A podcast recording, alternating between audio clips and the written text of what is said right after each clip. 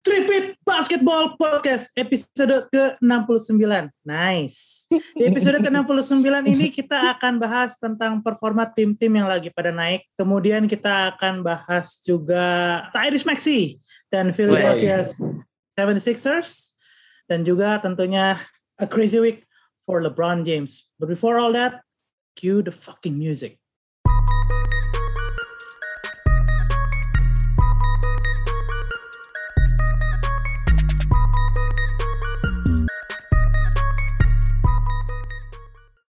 Welcome back to Tripit Basketball Podcast. Today I'm your host, Amar dari The Amateurs. Kali ini gue akan coba berbagi bola sama Zain playing on backcourt. What's up, Zain? Alhamdulillah bihair. Assalamualaikum warahmatullahi wabarakatuh. Waalaikumsalam warahmatullahi wabarakatuh ya Habibi. Gua lu, lu suka sama gue Habibi Habibi. Gak mau Habibi kan artinya kan kita uh, menyatakan uh, my love tapi dalam artian kita nih uh, as a friend gitu ya, as a Oh, combo iya. gitu Oke, ya oke. kan.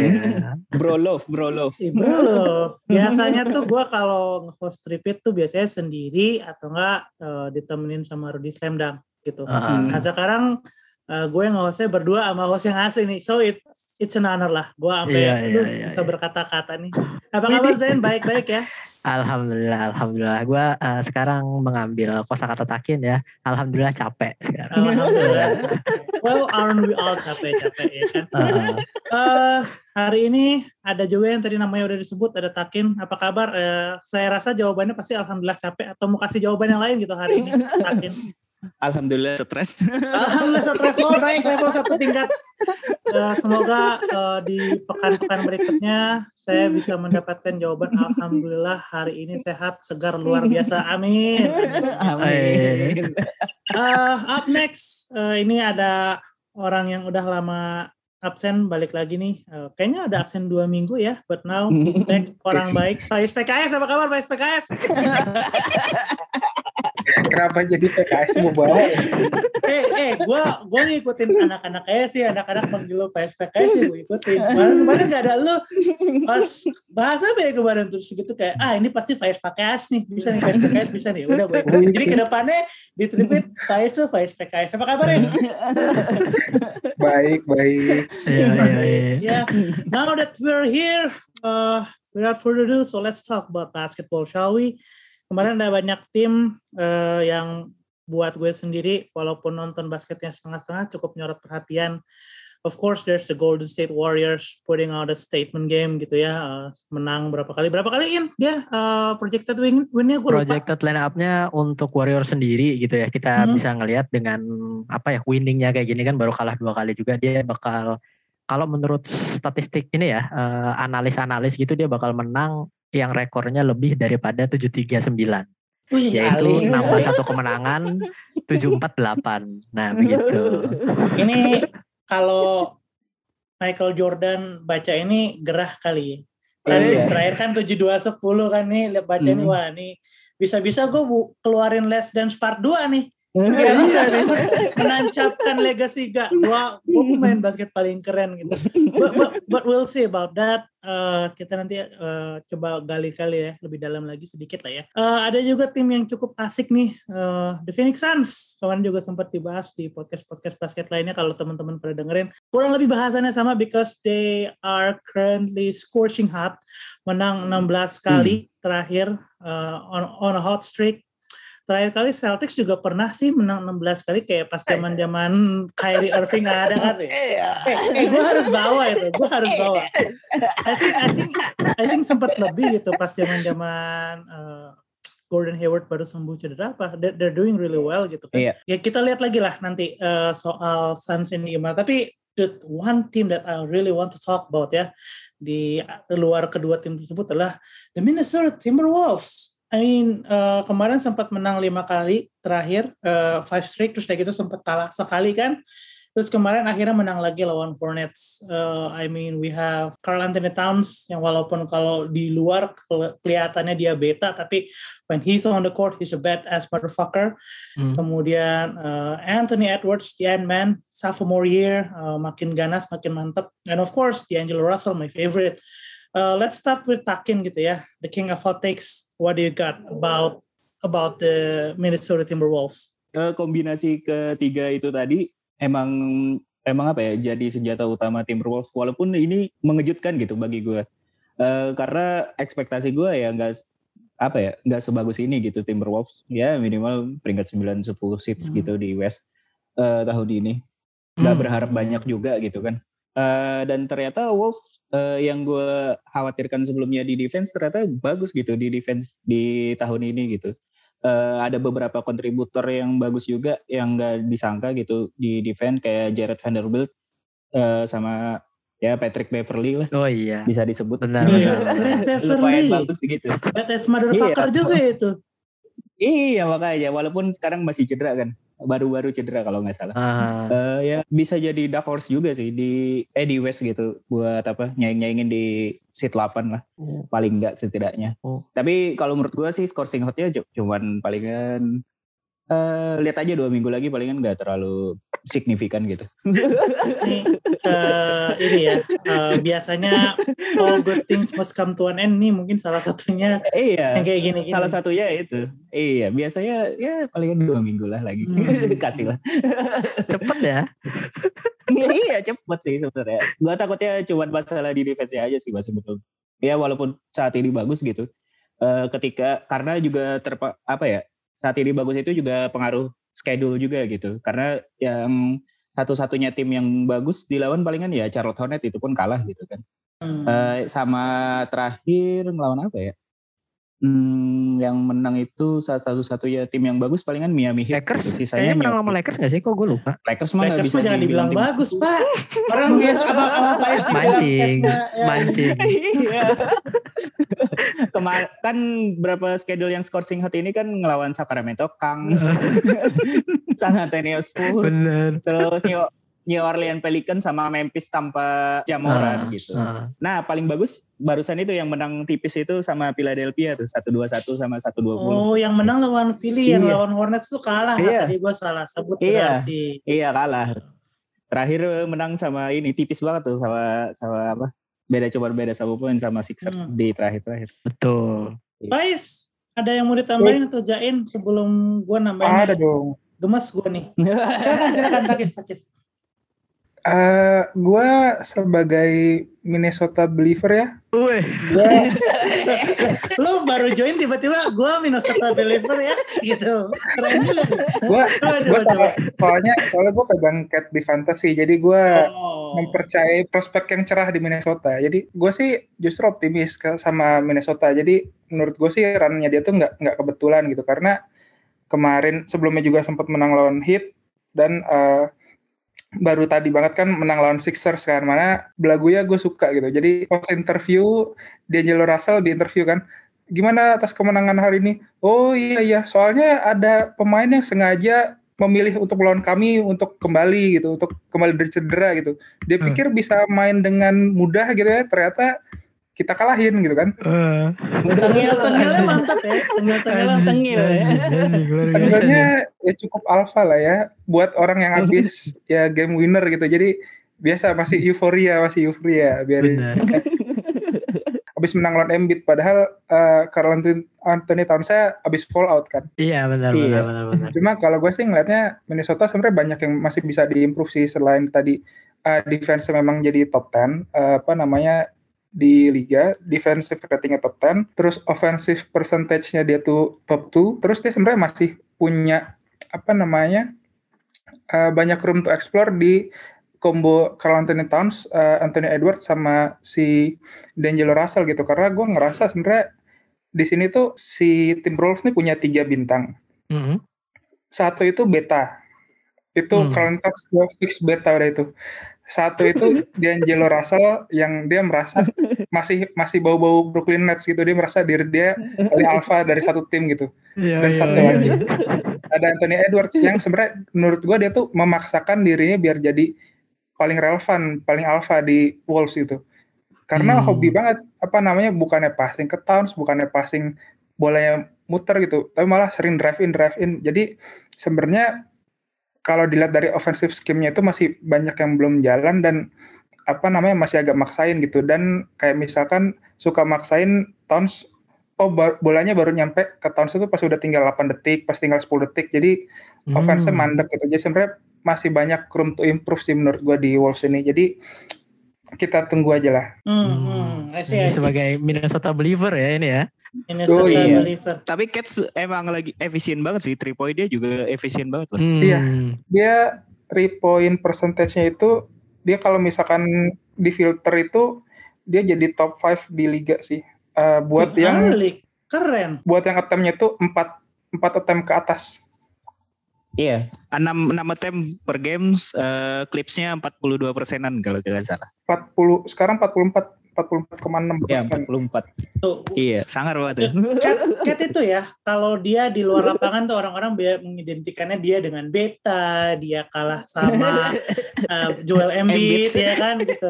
Uh, Joel Embiid punya real estate di kepalanya gitu kan. Ah, rent free, rent free. Oh, udah udah udah dikontrak. Karena udah dikontrakin ke banyak orang gitu. But actually ya, when when Carl Anthony Towns is on, on the court gitu, he's he's a bad motherfucker. I I I, I always love this guy. But one thing that I want to talk about the Timberwolves adalah uh, D'Angelo Russell. Ini sedikit Hmm. fakta aja ya. Gue dulu pertama kali diundang podcast basket sama box out itu bahas D'Angelo Russell. Tulisan basket gue pertama itu D'Angelo Russell. Padahal dia pemain Lakers. I'm a Celtics fan. Ya. Hmm. Dia dia Ya Jason kan- Tatum aja bisa kok Mar, kalau enggak gitu loh. dia dia pindah dia pindah ke Brooklyn gitu kan dia pindah ke Brooklyn setelah itu di Brooklyn tuh dia he's playing like uh, like a badass gitu dia akhirnya dap, apa namanya dipanggil jadi All Star walaupun dia jadi backupnya gitu ya. Kalau nggak salah siapa gitu I think it was John Wall. Kalau nggak salah ya gue lupa. Terus setelah gitu kan akhirnya gue tulis kenapa sih D'Angelo Russell akhirnya deserve to be ini dapat most improved player title gitu walaupun akhirnya dapat Siakam he's doing a lot di lapangan. Akhirnya sekarang di Timberwolves juga dia kebukti juga gitu.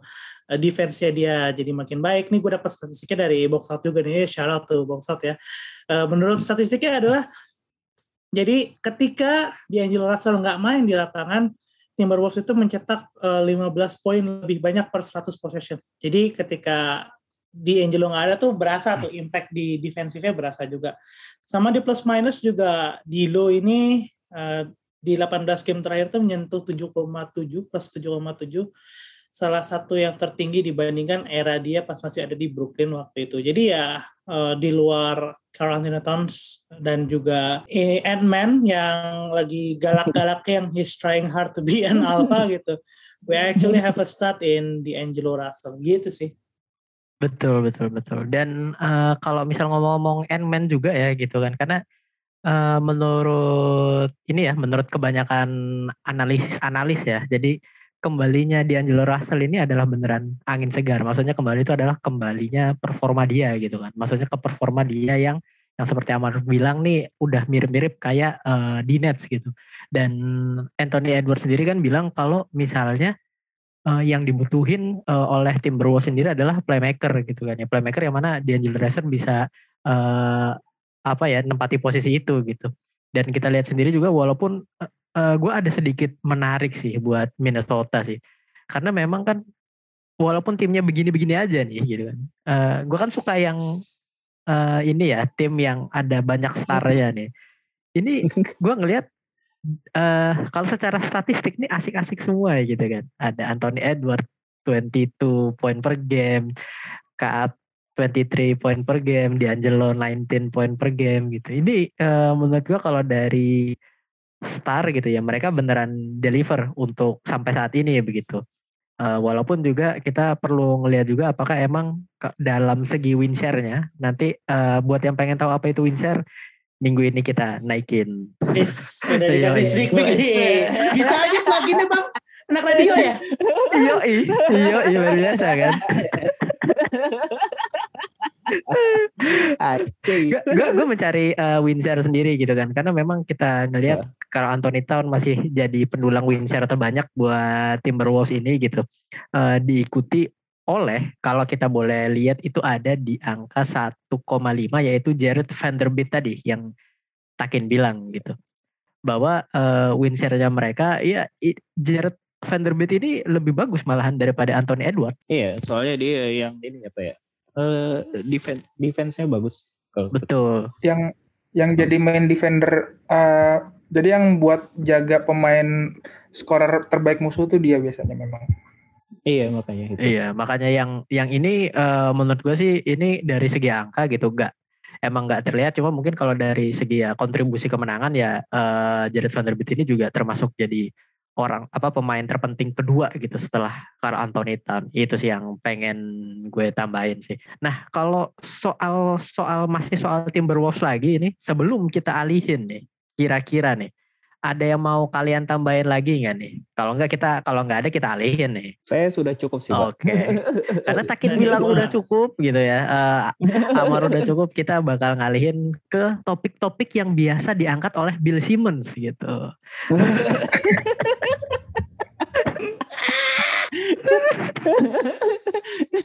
ini ini topik-topik mengenai Bill Simmons ini biasa menuju kepada tim yang apa pun performanya kalau misal ada Bill Simmons itu harus dibahas gitu.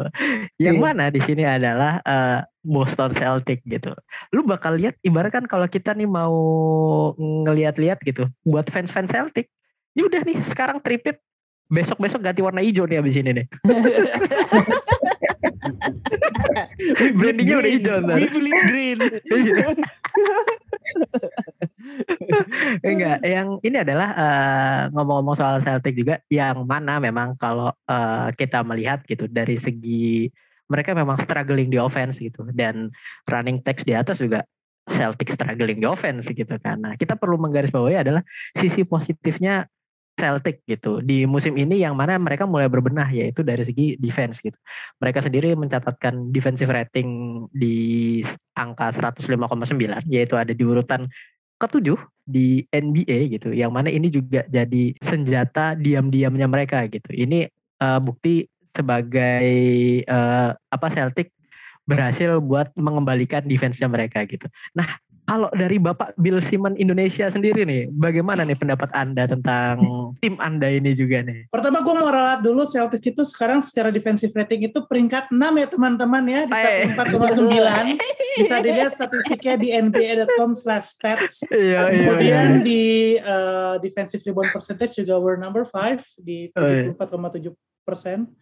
Kemudian di rebound percentage we're in the region of top 10 di 50,9 persen.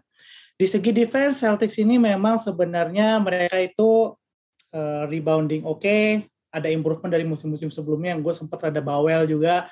Blocking kita ada uh, Robert Williams sama Al Horford, they're doing really well. Kayaknya di episode-episode sebelumnya gue selalu bilang gitu ya, but there's the thing about this offense that is really suck big time. Mm. Our best shooting performer adalah Grant Williams Uh, dia adalah uh, fat light skin Draymond. Uh. dia dia nih ya percaya atau enggak this this Graham William guy ini dia shooting 50 40 90 loh. 50 uh, field goal, 50% field goal, 40% uh, three point sama 90% free throw gitu. Tapi ya untuk kontribusi poinnya nggak sebanding sama pemain-pemain yang lain. Jason Tatum has been really suck. Dia di pertandingan pagi ini lawan Raptors walaupun menang uh, menembak 16 kali dan cuma masuk dua kali. That's really sad. Hmm.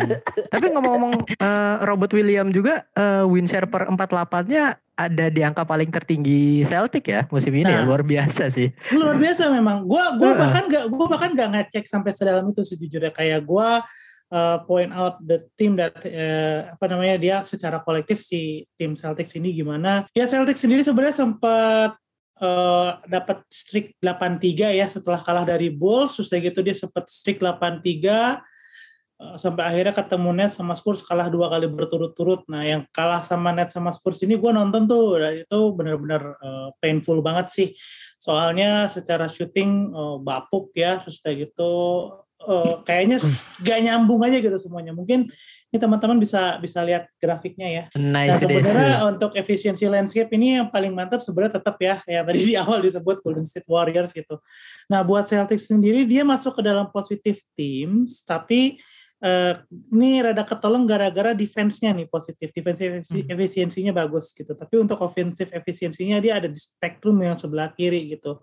Ini sempat ketolong gara-gara di streak 8-3 kemarin Tatum sempat main rada bagus, nembaknya kayak 50% itu kayak gue udah bersyukur banget gitu. Padahal kalau dia benar-benar mau ngejar MVP level tuh harus di 60-70% kayak KD. Gini hmm. bisa di 50-an aja ya udah I'm, I'm really great, grateful lah gitu. Nah mungkin nih uh, mumpung grafik yang muncul gini sekalian aja kali ya dibahas nih dari teman-teman. Gue open floor aja nih. Ada tim yang mau dibahas gak dari grafik ini? Uh, kalau dari gue ya, tuh ada yang uh, kita ngeliat tuh ada dua finalis musim 2019-2020. Ada hit tetap uh, di tengah-tengah tapi di kanan gitu kan, uh, di kanan gue gitu ya, uh, di daerah kanan gitu. Terus ada Lakers di tengah-tengah tapi di kiri gitu. spektrumnya berbeda ya. Dia secara offense yang satu di belakang kiri satu lagi belakang kanan tapi uh, in, the, in defensive term ya kurang lebih sama. Iya. Iya begitulah. Ya kurang lebih begitu. Itu aja sih yang kayak hmm kok kayak ngaca gitu kan. Tapi ngaca tapi nggak ngaca juga gitu loh. Uh, Faiz Takin maybe uh, kita ada yang mau dibahas dulu nih di sini uh, sebelum kita pindah segmen? Kaget aja tuh Warriors tuh tinggi banget anjir Iya sih. Ada di posisi kayak gitu tuh. Goib anjir Warriors. Warriors iya, ya normal. Utah Jazz juga itu di offensive efisiensinya bagus banget anjir. Iya, Malah defense-nya yang menjadi menjadi identitas di beberapa musim ini malah standar aja gitu kan. Ya Rudy Gobert capek kali jadi di POY. iya. Malah kali musim ini. Kayak, tapi kayaknya tahun ini bisa lagi tuh. Gak ada lagi pak soalnya pak. Kalau gue sih paling agak surprise-nya si Memphis Grizzlies sih. Uh, defense dia peringkat 30 kan. Betul. Padahal apa Betul. namanya harusnya sih pemain-pemainnya juga tipe-tipe yang banyak steal harusnya ada block juga dari stat sih oke cuma secara kumulatif main bareng kayaknya efek dari ini sih Dylan Brooks balik sih. Yo iya, begitu sebelum sebelum ini ya sebelum Amar mau memindahkan topik gitu gue ada kayak mau nambahin sedikit lagi tadi soal perkara Jason Tatum tadi gitu ada ya uh, gue lihat tadi siang ya soal Tatum ini gitu. Uh, ini via stat news yang mana uh, gue gue bacain lagi nih. Jason Tatum shot two from 18 tonight. He's the eighth in the league in uh, match shot despite being the first in attempts gitu. Dia attemptnya udah banyak ya tapi uh, match shotnya nggak terlalu gitu. Dia syuting 39% ya dari 21 attempt gitu. Ini udah kayak Tupu emang gembel anjing. Seneng ini ini ini nih udah channeling Mamba. Lu lu harus tahu gitu. Mamba itu emang uh, syutingnya tuh missnya tuh paling banyak biasanya ya, gitu. Hampir tiap mamba, musim mamba, gitu loh. Bukan Mamba, Memblane, Memblane. Kalau maksa kayak gitu Memblane juga Kalau itu maksa bukan gitu Mamba. Memblane, nyusahin temen-temennya. Heru Tatum, Heru Tatum emang susah kok. Emang buat uh, buat orang jadi volume shooter gitu kayak James Harden gitu emang susah emang nggak nggak bisa semua orang gitu kayak James Harden sih itu doang sih kalau dari gue ya. Nah, James Harden aja struggling. Sekarang dibuang sama fansnet anjing. Dibuang sama fansnet Iya. Sama ini gue paling nambahin dikit aja. Maksudnya tadi kan sebelum sebelum kita tag ini kan kita ada ngobrol-ngobrol dulu kan. Terus hmm. pertanyaan emang apa yang harus dibahas sih dari Celtics emang sebagus itu ya? Justru dibahas karena jelek pak. Justru dibahas karena jelek. Gitu. Uh. Maksud gue kalaupun kalau mis, kalaupun misalkan ngelihat jadwal juga itu sebenarnya calculated win sih harusnya memang itu jadwal-jadwal yang emang harusnya Celtics win gitu. Jadi lawan Lakers gitu kan, uh -uh. lawan Thunder, uh. lawan Rockets itu itu sih harusnya emang emang ya udah given gitu. Malah uh -uh. kayak lawan Spurs kalah itu kan harusnya jadi alert kan. Jadi we'll see lah, we'll see berapa game ke depan malah gue prediksiin trennya bakal turun sih. Dan kita dua minggu lagi akan ngomongin Celtics lagi dan kita ngejelek-jelekin lagi sih. Iya, aja.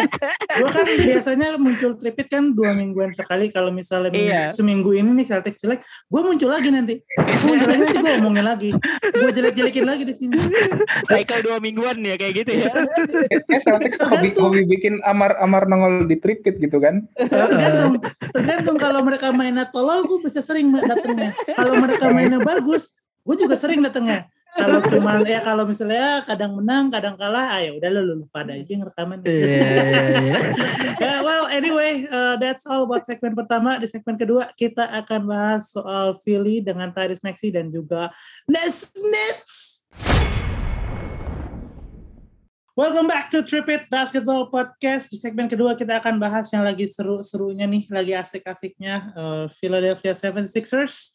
Uh, this is actually my rival team, tapi mm-hmm. uh, I have to admit ya kalau sebenarnya kehilangan Ben Simmons ini jadi kayak is a bliss gitu karena mereka punya uh, point guard, punya playmaker yang bisa space the floor, yang bisa uh, kasih jarak dan bisa nge-shoot three point nih. Betul Keren banget nih Tyrese Max ini. Uh, mungkin Zain mau nambahin dulu nggak nih soal yeah. Tyrese Max ini? Uh -huh. what, what, what do you have about Tyrese Maxi? Karena gue jadi co-host di sini seperti biasa gitu. Seperti posisinya Rudy Slamdang, gue akan ngebacain uh, statistik-statistiknya lagi gitu. Yang mana gue mulai lagi dari uh, teasing-teasing gue soal win share ya. Wah. Berikan, kasih paham. Uh, uh, ini uh, soal win share ini Tyrese Maxi ini ada jadi win share pertama ya di Philadelphia 76er dengan angka 2,1. Jadi dia bukan sekedar pengganti Ben Simmons gitu kan. Yang mana kita uh, rada uh, bukan kita sih maksudnya fans Sixers ada yang walaupun benci dengan Ben Simmons gitu. Fans Sixers mengakui bahwa dengan adanya Ben Simmons uh, Philadelphia menjadi winning team gitu kan. Waktu Ben Simmons jadi uh, masih jadi rookie Philadelphia untuk pertama kalinya dari sekian tahun kalau nggak salah itu uh, masuk playoff gitu. Nah dan Ben Simmons ini selama regular season dia terus memberikan kontribusi kemenangan terhadap Philadelphia 76ers gitu. Walaupun emang comes playoff time ya begitu. Udah ada hasilnya selama beberapa musim ke belakang gitu. Dan kita melihat sendiri Tyrese Maxey sendiri uh, ada di angka 2,1 gitu. Kalau memang diikuti uh, win share win share yang lainnya ya tetap jual Embiid gitu kan. Yang mana kalau win share per 48-nya tetap dia yang memimpin gitu. Cuma Tyrese Maxey sendiri emang luar biasa. Pertama dari segi ofensifnya juga. Yang mana dia kayak uh, waktu stretch five games apa ya kita bahas di grup di grup tripit gitu uh, ada dia sekitar nyetak 22 poin plus gitu per game gitu dan statistik overallnya pun juga oke-oke juga gitu dia uh, main 20 game nyetak 18 poin per game asisnya hampir 5 gitu field goal percentage-nya hampir 50%, three pointnya lumayan oke okay juga ini cuma di bawah 40% dikit yaitu ada di angka 38%. Free throw-nya di angka 88%. Something Ben Simmons could not ever do. itulah, itulah, itulah. Ini uh, sebenarnya tadi speksi ini adalah uh, do, bentuk doa dari Daryl Morey yang diijabah. Jadi kayak Daryl Morey tuh kalau malam tuh dia kayaknya tahajud berdoa seperti malam ya Allah. Imamnya Jimmy Butler. Ya, ya Allah kabulkan doaku semoga aku bisa space the floor. Semoga aku bisa mengamini postulat tiga lebih besar daripada dua gitu. Semoga saya bisa menjalankan skema three point. Eh sampai akhirnya sekarang ada nih tadi speksi yang well he's doing better, significantly better than uh, Ben Simmons. Uh, Faiz, uh. what do you got about Tyrese Maxey and the Philadelphia 76ers? Tyrese Maxey udah semua sih sebenarnya maksudnya dari segi playmaking dia punya dan uh, apa namanya shooting dia punya yang gue suka sih dia uh, ngotot sih mainnya dia nggak nggak neko-neko gitu maksudnya masih muda tapi berani drive ke dalam ambil foul gitu itu itu satu kemampuan yang patut diacungi jempol juga gitu. Dan kalau misalnya kita lihat Sixer sendiri kan sebenarnya dia kemarin compang-camping karena ini kan apa namanya pada kena COVID kan Joel Embiid, hmm, betul betul. Stable gitu, Tobias Harris gitu. Hopefully sih uh, udah mulai kekumpul lagi semua pemainnya gitu. Jadi biar yang nonton Philly juga nggak cuma nontonin Paul Reed sama Isaiah Joe gitu kan. atau atau nonton nontonin paling bagus pemainnya Drummond gitu kan. Tuh kalau kalau langganan League Pass tapi lu cuma buat langganan Sixers, buat sih kemarin lu 10 game agak agak menderita kayaknya tuh. Satu-satu hiburan lu cuma Tyrese Maxey gitu. Dan uh, dan hopefully sih hopefully dia timnya settle apa namanya dan selain pemain-pemainnya juga fisioterapi tukang pijatnya juga pada ready semua karena Bener sekali, bener, bener. Karena kalau tukang pijat tukang pijat Faiz paling jago deh. iya gue denger kemarin di, gue dibawa-bawa dari soal tukang pijat soalnya kan soalnya kan sekarang tuh baru baru absen karena covid kan maksudnya Ah. 10 game hilang tuh Joel Embiid jangan sampai lagi ini 82 season terus Joel Embiid nanti misalkan hilang 10 game lagi karena cedera gitu akan lumayan costly nih karena sekarang secara standings kan udah mulai kedodoran nih dan Mhm. Iya. dan ini sekarang itu nggak segampang tahun-tahun kemarin gitu. Jadi ada ada 13 tim yang lu bisa compete buat 10 spot di sampai play-in. Jadi ah, harus hati-hati sih. Cuma proyeksinya sih akan naik cuma jangan sampai ada yang cedera lagi.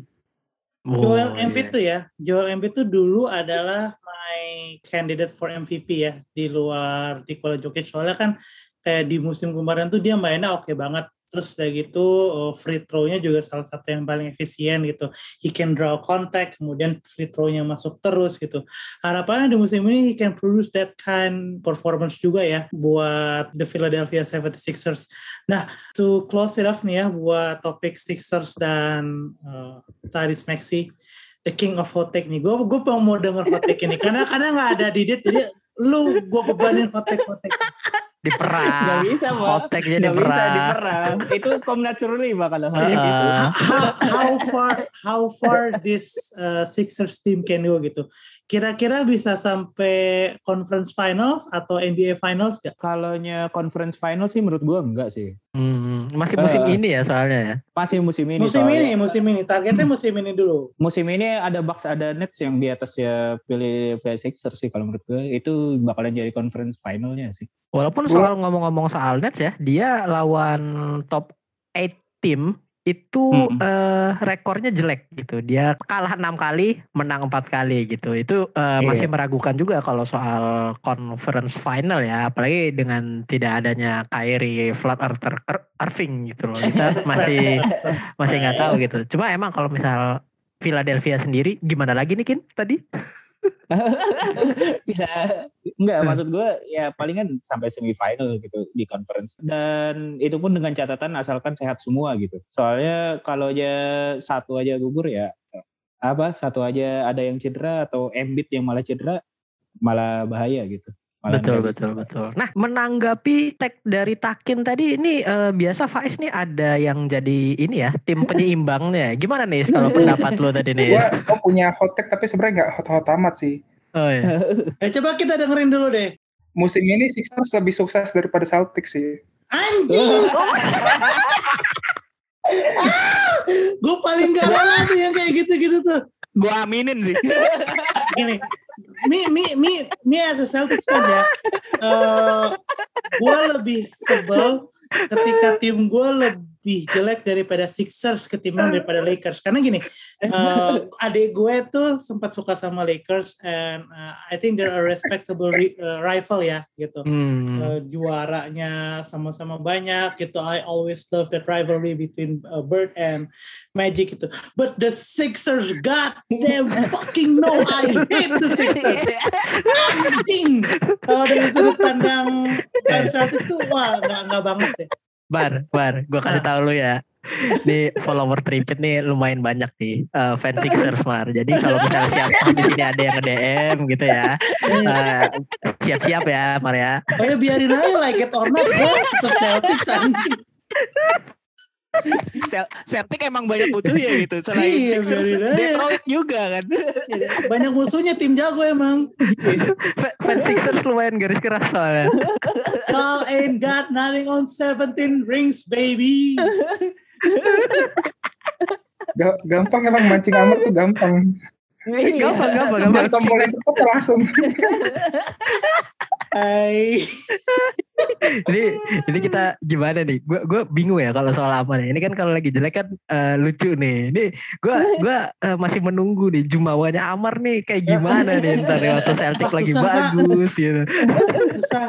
Gua Dia selalu skeptis sih. Selalu skeptis sama timnya Gua- sendiri. gua terakhir kali bisa jumawa itu adalah pas Celtics masuk conference final pas di bubble kemarin itu Celtics punya bagus banget sih. Itu jago Oh. banget tuh. I Iya, mean, iya, iya. Jason Tatum playing like an MVP itu itu benar di situ. Kalau sekarang Ah. MV shit. Nah, tadi kan karena lu udah mention tadi ya soal hal-hal yang berbau shit gitu ya. Kita akan beralih ke Waduh keras banget nih uh, bridgingnya. Kita akan beralih ke tim yang lagi shit tapi nggak jadi shit gitu ya. Minggu kemarin kita bahas gitu. Cuma emang uh, weeknya emang buat tim ini rada uh, wild ya. Kita kita ngomongin Lakers nih. Uh, Astagfirullahaladzim gak bagus. Bridgingnya kurang bagus ya tadi. Nah, yeah. Iya. uh, Lakers ini mengalami minggu yang uh, luar biasa ya, terutama LeBron James juga gitu. Mereka ada uh, banyak banget yang bilang bahwa ini tim nggak bisa main, ini tim uh, terlalu tua gitu. Ini emang ada pengalaman tapi tidak ada pergerakan gitu. Maksudnya nggak ada yang gerak gitu. Skema offense nggak jalan juga. Tapi waktu LeBron James udah balik gitu ya. Yang pertama uh, minggu ini yang Isaiah Stewart tuh masih minggu ini ya berarti ya? Kita belum bahas di minggu kemarin kan? Iya, dua minggu kali di awal minggu itu awal minggu. Awal, awal minggu ya, awal minggu. Awal minggu hmm. gitu ada altercation sama Isaiah Stewart gitu kan. Terus LeBron ini kita ngomongin Lakers pasti ngomongin LeBronnya gitu. Ada LeBron uh, mengikuti selebrasi yang akhir bukan akhir-akhir ini, yang sebelumnya dilakukan oleh Fred Van Fleet ya. Walaupun sebelumnya lagi emang ada ojinya tuh dari Timberwolves kok gue lupa namanya. Gue nggak lihat uh, deh itu selebrasinya yang pegang selangkangan bukan sih? Iya, pegang selangkangan ya big ball energy gitu.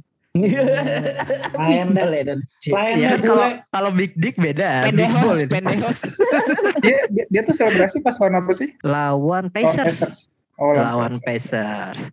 Lawan Pacers dia begitu gitu. Tapi uh, LeBron James has been a star uh, in the last three game juga buat Lakers gitu. Yang mana kita lihat sendiri, apalagi yang terakhir ini kan trio mereka beneran lagi on fire juga gitu waktu ngelawan Pistons ini ya. Nah kalau soal ngomong on fire-nya ngelawan Pistons. Kalau yang beneran harus menang malah main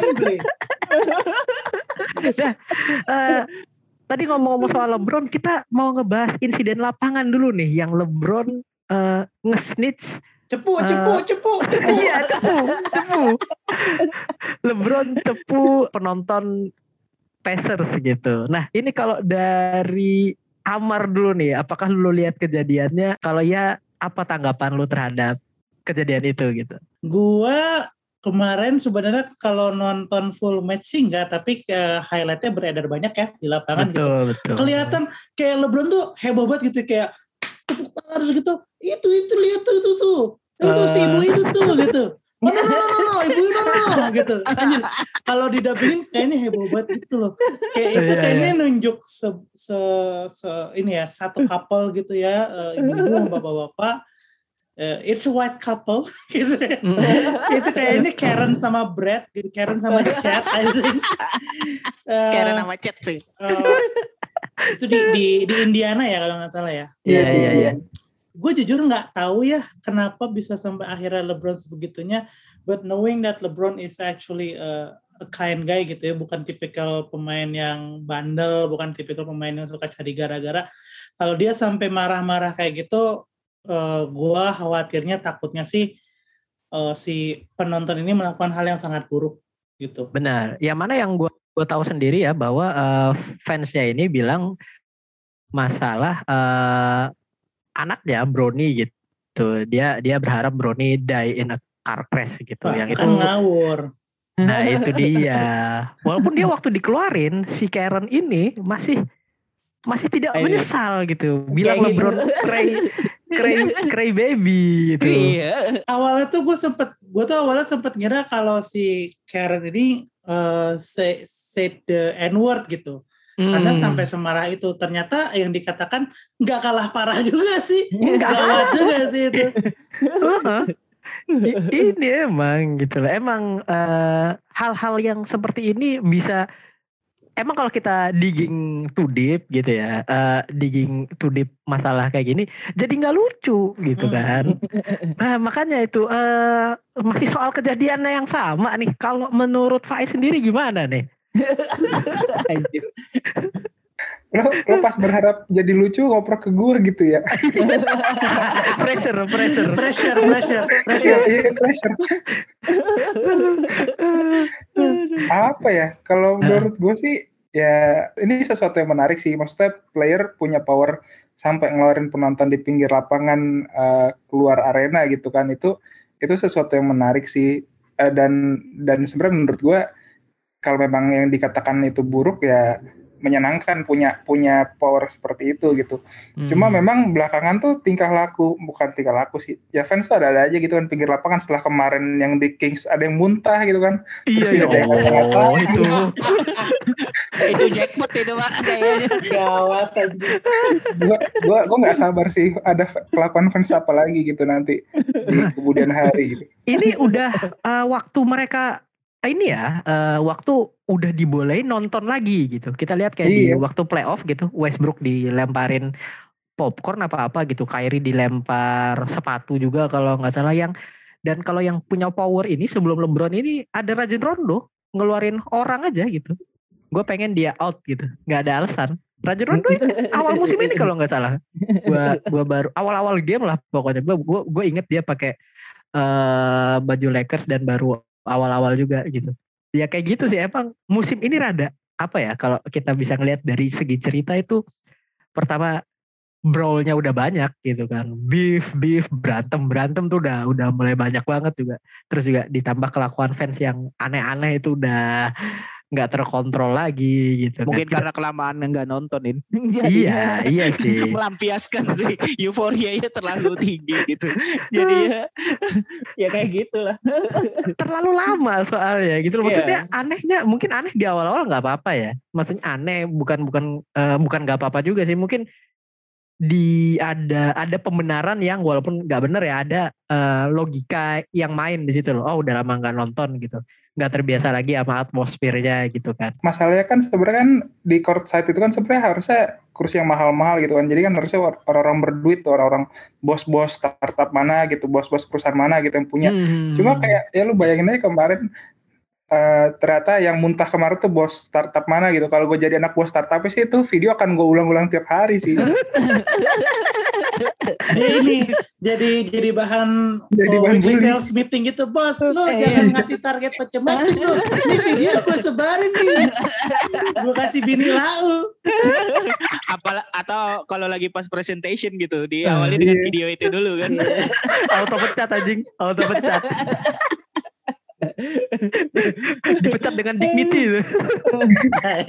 Tapi kalau dari Takin sendiri nih, eh, mengingat kejadian-kejadian ya, pertama kita ada Lecepu tadi ya, eh, dan juga eh, kejadian-kejadian fans lainnya gitu, yang akhir-akhir ini sendiri menurut lu gimana nih Kin? It's been a wild ride gitu lah. Di akhir-akhir ini kelakuannya makin macem-macem aja sih. Tapi ya menurut gue itu nggak pantas aja sampai ngede ngedoain anak orang mati anjing. emosi, emosi. Zen, Zen, Iya. Zen, Zen, kalau kalau nggak kalau buat Takin tuh pertanyaannya harus ganti, nggak boleh Oh. gitu. Iya. Misal misalkan lu punya kesempatan duduk di Ah. courtside view, Staples Center, Ah, lu nontonin Westbrook, apa yang lo lakukan, Tin? gua pakai baju bata tulisannya Westbrook.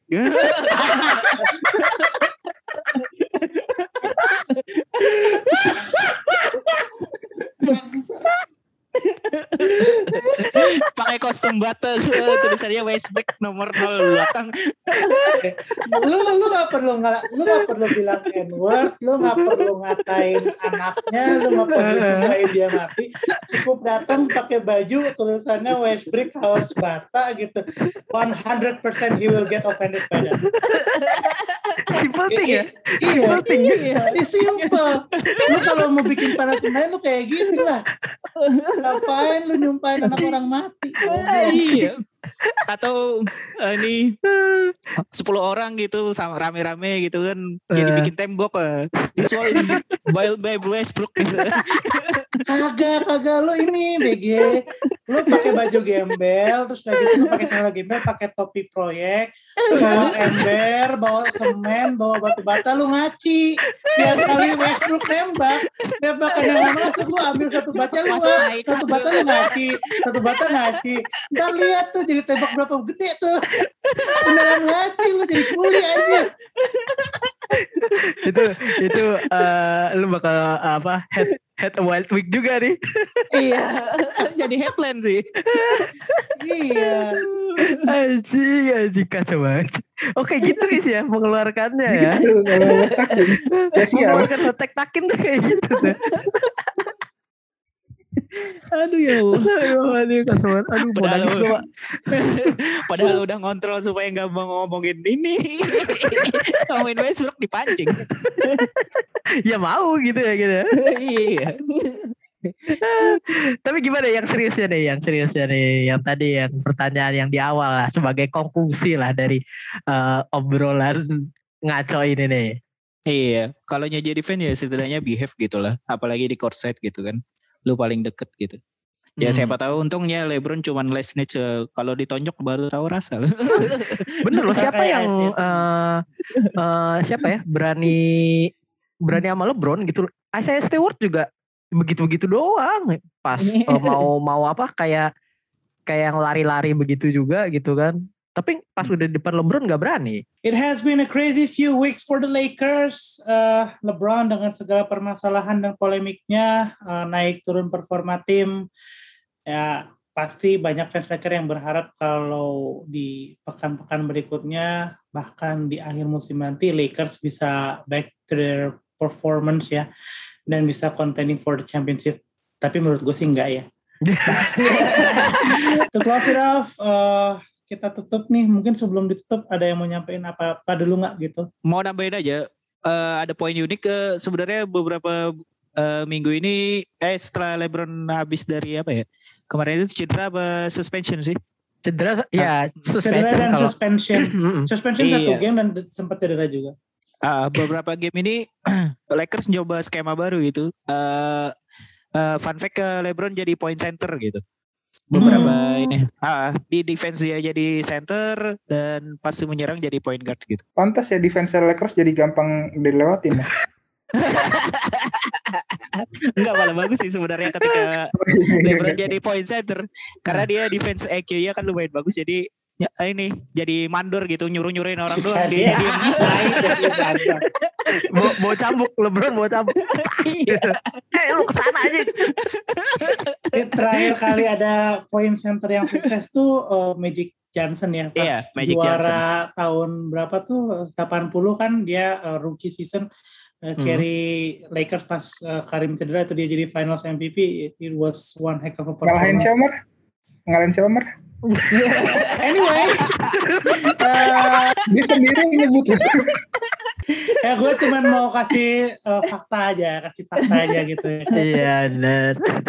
Anyway, uh, I think that's all for for today. Uh, terima kasih nih kepada teman-teman gue yang udah hadir. Ada Zain, ada Takin, ada Faiz. Terima kasih udah hadir. Uh, jangan lupa buat teman-teman untuk selalu follow at Tripit Basketball dan juga follow Hoops by Tripit buat lihat artikel-artikel barunya. Tripit kemarin baru rilis yang mana Zain? Dame ya. Iya Dem. Eh, ini ya eh, ready stock ya kita ya sekarang. Oh, ya. Iya. Tapi Oh, limited, udah. tapi ah, ready limited. stock, ah, ready stock. Ini siapa yang mau di kurs sama Tripit? Nanti season depan siapa lagi? ini Dem jadi kurs ini, dibikin kaos jadi kurs. Habis eh udah back loh, Dem udah back loh. Habis ini Giannis. Coba-coba mungkin musim depan Jason Tatum kali ya, karena dia udah Iya. jelek dikasih kaos kan minus sama minus ketemu jadi plus tuh, nah mungkin bisa dicoba.